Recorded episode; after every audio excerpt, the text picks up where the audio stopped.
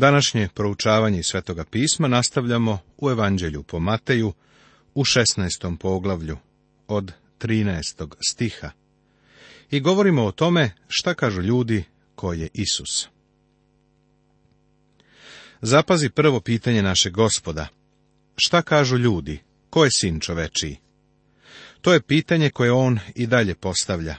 I to je pitanje na koje se i danas daje odgovor on je još uvek najkontroverznija osoba koja je ikada živela na licu zemlje. Sada ćemo čuti mišljenje mase, mnoštva kojega je sledilo. Verujem da kada bismo ti i ja postavili to pitanje na ulici u našem gradu, verovatno bismo dobili slične odgovore, jer su ljudi još uvek zbunjeni u vezi sa Isusom. Oni rekoše jedni da je Jovan Krstitelj, drugi da je Ilija, a treći da je Jeremija ili jedan od prorok. Jedni kažu da je Jovan Krstitelj. Jovan Krstitelj je bio veliki čovek i ljudi su ga kao takvog uvažavali. U našem vremenu je mnogo ljudi koji kažu da je Isus bio veliki učitelj. Neki su za Isusa rekli da je prorok Ilija. Ilija je svakako bio veliki čovek, a i u našem vremenu ima ljudi koji kažu da Isus jeste bio veliki čovek. A treći da je Jeremija. Ponovo je upotrebljen grčki termin ovde. Jeremija je bio plačni prorok, a ljudi su vidjeli kako gospod plače. Ljudi su ga smatrali velikim prorokom. Ili jedan od proroka. Pretpostavljam da je bilo mnogo gledišta o tome ko je bio Isus. Ovo su bila gledišta prosečnog tadašnjeg čoveka. Jedan mladi propovednik, moj prijatelj, vrlo otvoren tip inače, slušao je kada sam o ovome propovedao. Tako je onda otišao na ulicu i narodu koji je prolazio postavljao ovo pitanje o Isusu Hristu. Dobio je svakakva mišljenja. Neko je rekao da je Isus bio najveći učitelj, koga je svet ikada video. Drugi je pak rekao da je Isus bio osnivač religije. Sljedeći je smatrao da je bio dobar čovek. Neko drugi ga je opet svrstao u kategoriju sa drugim poznatim istorijskim ličnostima, baš kao jedan od proroka. Sada se gospod Isus okreće učenicima i pita ih. Reče im, a vi šta kažete, ko sam ja? Odgovori Simon Petar i reče, ti si Hristos, sin Boga živoga. Za učenike je došlo vreme da donesu odluku i daju priznanje. Simon Petar je očito govorio u ime cele grupe. Rekao je, ti si Hristos, što je značilo Mesija, pomazanik, onaj o kome je u starom zavetu prorokovano i što je gospod Isus ispunio rekao je i sin Boga živoga. Sve do ovog momenta ovo je bilo najbolje priznanje i najveća počast koja mu se mogla ukazati. To je Isus. A Isus odgovori i reče mu, Blažen si Simone, sine Jonin, jer ti to ne otkri telo i krv, nego otac moj koji je na nebesima. Samo duh sveti može nekoj osobi da otkrije ko je Isus. Niko danas Isusa ne može zvati gospodom, osim kroz duha svetoga. Samo duh sveti može da nam otkrije ono što je Hristovo. Isus je rekao, to ti ne otkri telo i krv, što znači, ovo nisi naučio kroz to što si bio sa mnom. Slušam kako ljudi govore, samo da sam mogao biti sa Isusom te tri godine. Apostoli su sa njim bili do ovog trenutka dve i po godine stvarno bih znao ko je on. Da li bi? Prijatelju, možeš ga isto tako dobro poznavati i danas, jer ga duh sveti čini stvarnim. I ja ti kažem da si ti Petar, i na toj steni sazideću crkvu svoju, i vrata Adova neće je nadvladati. Pažljivo pogledajmo ovaj stih. Na kojoj steni je Isus sazidao svoju crkvu? Ima onih koji kažu da je sazidana na Simonu Petru. Očigledno nije, jer ovdje postoji igra reči. U originalnom grčkom tekstu piše ti si Petros, Petar što znači mala stena, kamen, i na ovoj Petra ili steni ja ću sazidati svoju crkvu. Neki smatri da Hristos svoju crkvu gradi na priznanju koje je Petar dao. Ja se sa ovim uopšte ne slažem. Ko je stena? Stena je Hristos. Crkva je sazdana i sazidana na Hristu. O ovome imamo i objašnjenje samoga apostola Petra. U drugom poglavlju prve poslanice Petrove u Svetom pismu Novoga Zaveta, govoreći o Hristu, on kaže – prilazite k njemu, živom kamenu, koji su do duše ljudi odbacili, ali je pred Bogom izabran i dragocen. I onda citira iz knjige proroka Isaije iz 28. poglavlja, 16. stih. Evo, postavljam ugaoni kamen na Sionu, izabran i dragocen, i ko u njega veruje, neće se postideti. Crkva je sazidana na Hristu, on je temelj jer niko ne može da postavi drugi temelj sem onoga koji je postavljen, a to je Isus Hristos, zapisao je apostol Pavle u prvoj poslanici Korinčanima, u trećem poglavlju 11. stihu, Svetoga pisma Novog Zaveta. Hristos je stena i on kaže da ćemo na toj steni mi sazidati njegovu crkvu. Crkva je još bila u budućnosti, kada je gospod ovo izjavio. Molim te, nemoj reći da je crkva postojala i u starom zavetu, jer je nije bilo sve do Hristove smrti, vaskrsenja, vaznesenja i slanja duha svetoga. Crkve nije moglo biti sve dok se ovo nije desilo. Sazideću moju crkvu govori o budućnosti. Vrata Adna odnosi se na smrt. Reč koja se koristila za pakao je grčka reč hades, had, starozavetna reč Sheol, što upućuje na nevidljivi svet i znači smrt. Vrata smrti neće nadvladati Hristovu crkvu. Uskoro će gospod Isus da dođe sa neba sa povikom.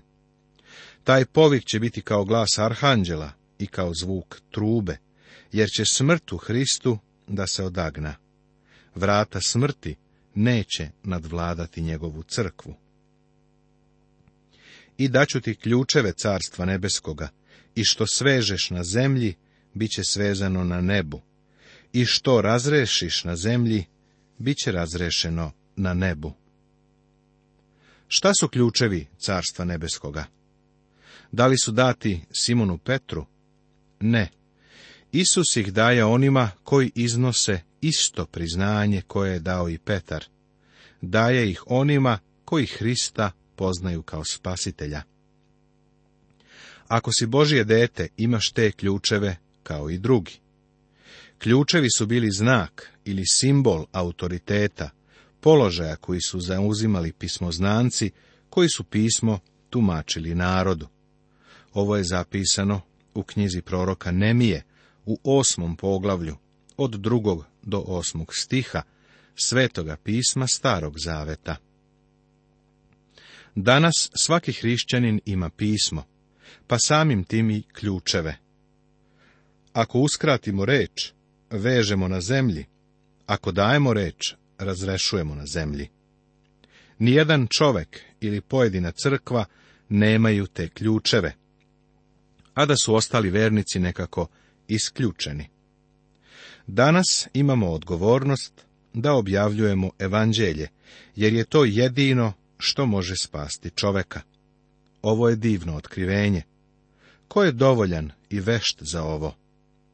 Ti i ja imamo izuzetnu odgovornost. Tada zapovedi učenicima da nikome ne kažu da je on Hristos. Gospod je ovo zapovedio jer ne spasava puko znanje o tome ko je on. Da bi pronašao spasenje, moraš znati ko je on i šta je uradio i moraš ga verom prihvatiti.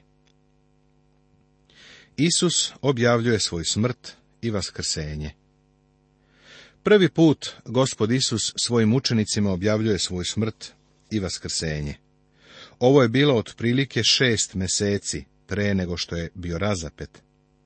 Zašto je čekao tako dugo da bi objavio nešto ovako značajno? Očigledno njegovi učenici još uvijek nisu bili spremni za to, čak i u ovo vrijeme, sudeći po njihovoj reakciji. On je pet puta ponovio činjenicu da ide u Jerusalim i da će tamo umreti.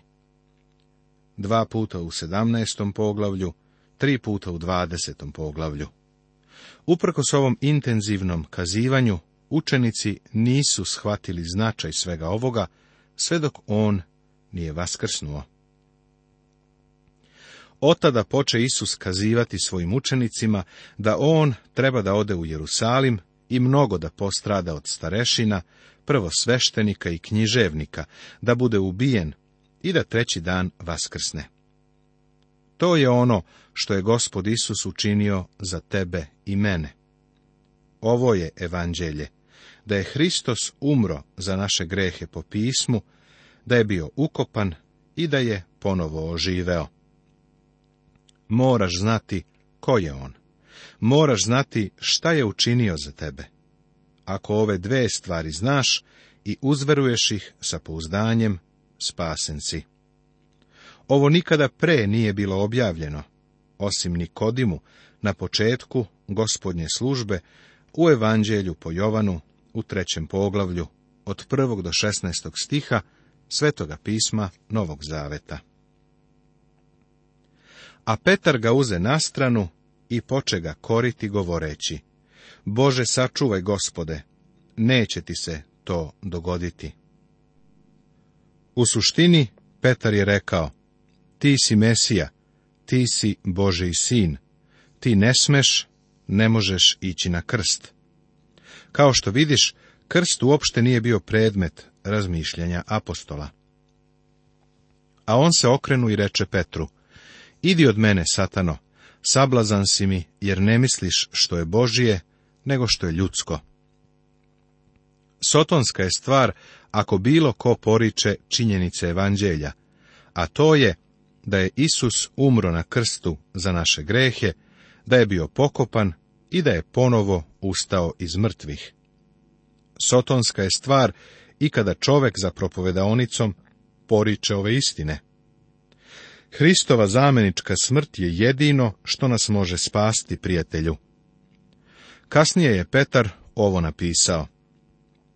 On je na svom telu poneo naše grehe na drvo, da se oprostimo grehova i da živimo za pravednost. Njegovim ranama ste isceljeni. Ovo je zapisano u prvoj poslanici Petrovoj, u drugom poglavlju, u 24. stihu, Svetoga pisma Novog Zaveta. Kakva se transformacija desila u Petrovom umu? Gospod je rekao Petru, idi od mene, Sotono. Zamisli ovo, tu je Petar, preko koga Duh Sveti govori da je Isus sin Božiji i koji već sljedećeg trenutka dopušta da ga Sotona vara. Tada reče Isus svojim učenicima, ako ko hoće da pođe za mnom, neka se odreče sebe samoga i uzme krst svoj i ide za mnom. Mnogi ljudi ovako tumače ovaj stih. Neka se odrekne sladoleda ili neka se odrekne nekog luksuza. Ono što ovaj stih kaže jeste neka se odrekne sebe. Već ti je poznato da je na svetu najteže odreći se sebe. Da se odrekne mog dezerta, već je to dosta teško, ali odreći se samoga sebe, to je stvarno teško. Odreći se sebe znači postati nevažan sebi i umjesto sebe postaviti Hrista. I uzme krst svoj i ide za mnom. Ne treba da uzimamo Hristov krst, nego svoj. I za tebe i za mene ima krst, ako želimo da ga sledimo. Jer ko hoće da spase svoj život, izgubit će ga. A ko izgubi svoj život mene radi, naći će ga. Jer šta će koristiti čoveku ako sav svet dobije, a životu svome naudi? Ili kakvu zamenu će dati čovek za svoj život? jer će doći sin čovečiji u slavi svoga oca sa anđelima svojim i tada će uzvratiti svakome po njegovom delanju. Osoba koja ne želi da preuzme rizike koji postoje kada postane učenik gospoda Isusa Hrista, dugoročno gledano izgubit će večno svoj život. I suprotno je istina kada Isus drugi put dođe, svi računi će se srediti i svako će primiti odgovarajuću nagradu. Zaista vam kažem da među onima što stoje ovde ima nekih koji neće okusiti smrti dok ne vide sina čovečijeg gde dolazi u svom carstvu. Ovaj stih pripada 17. poglavlju, jer zapis o Isusovom preobraženju objašnjava šta je mislio kada je ovo rekao. Poglavlje 17. Tema Preobraženje Demonom opsednuti dečak i učenici bez vere. Isus plaća porez, čineći čudo. Preobraženje Kao što smo napomenuli u zaključku prethodnog 16. poglavlja, Njegov posljednji stih pripada ovom poglavlju, jer objašnjava šta je gospod mislio kada je ovo izjavio.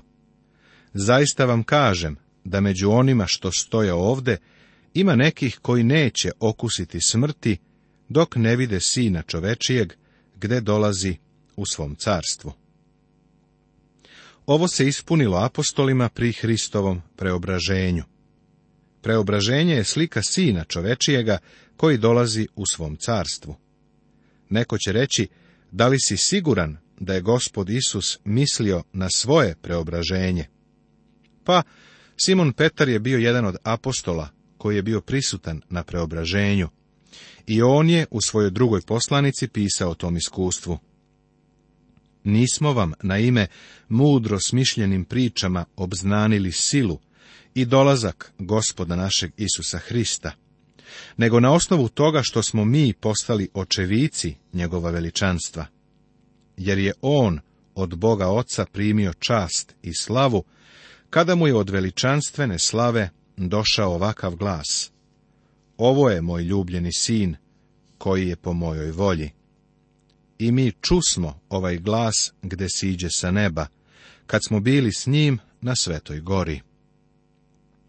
Ovo je zapisano u drugoj poslanici Petrovoj, u prvom poglavlju od 16. do 18. stiha Svetoga pisma Novog zaveta.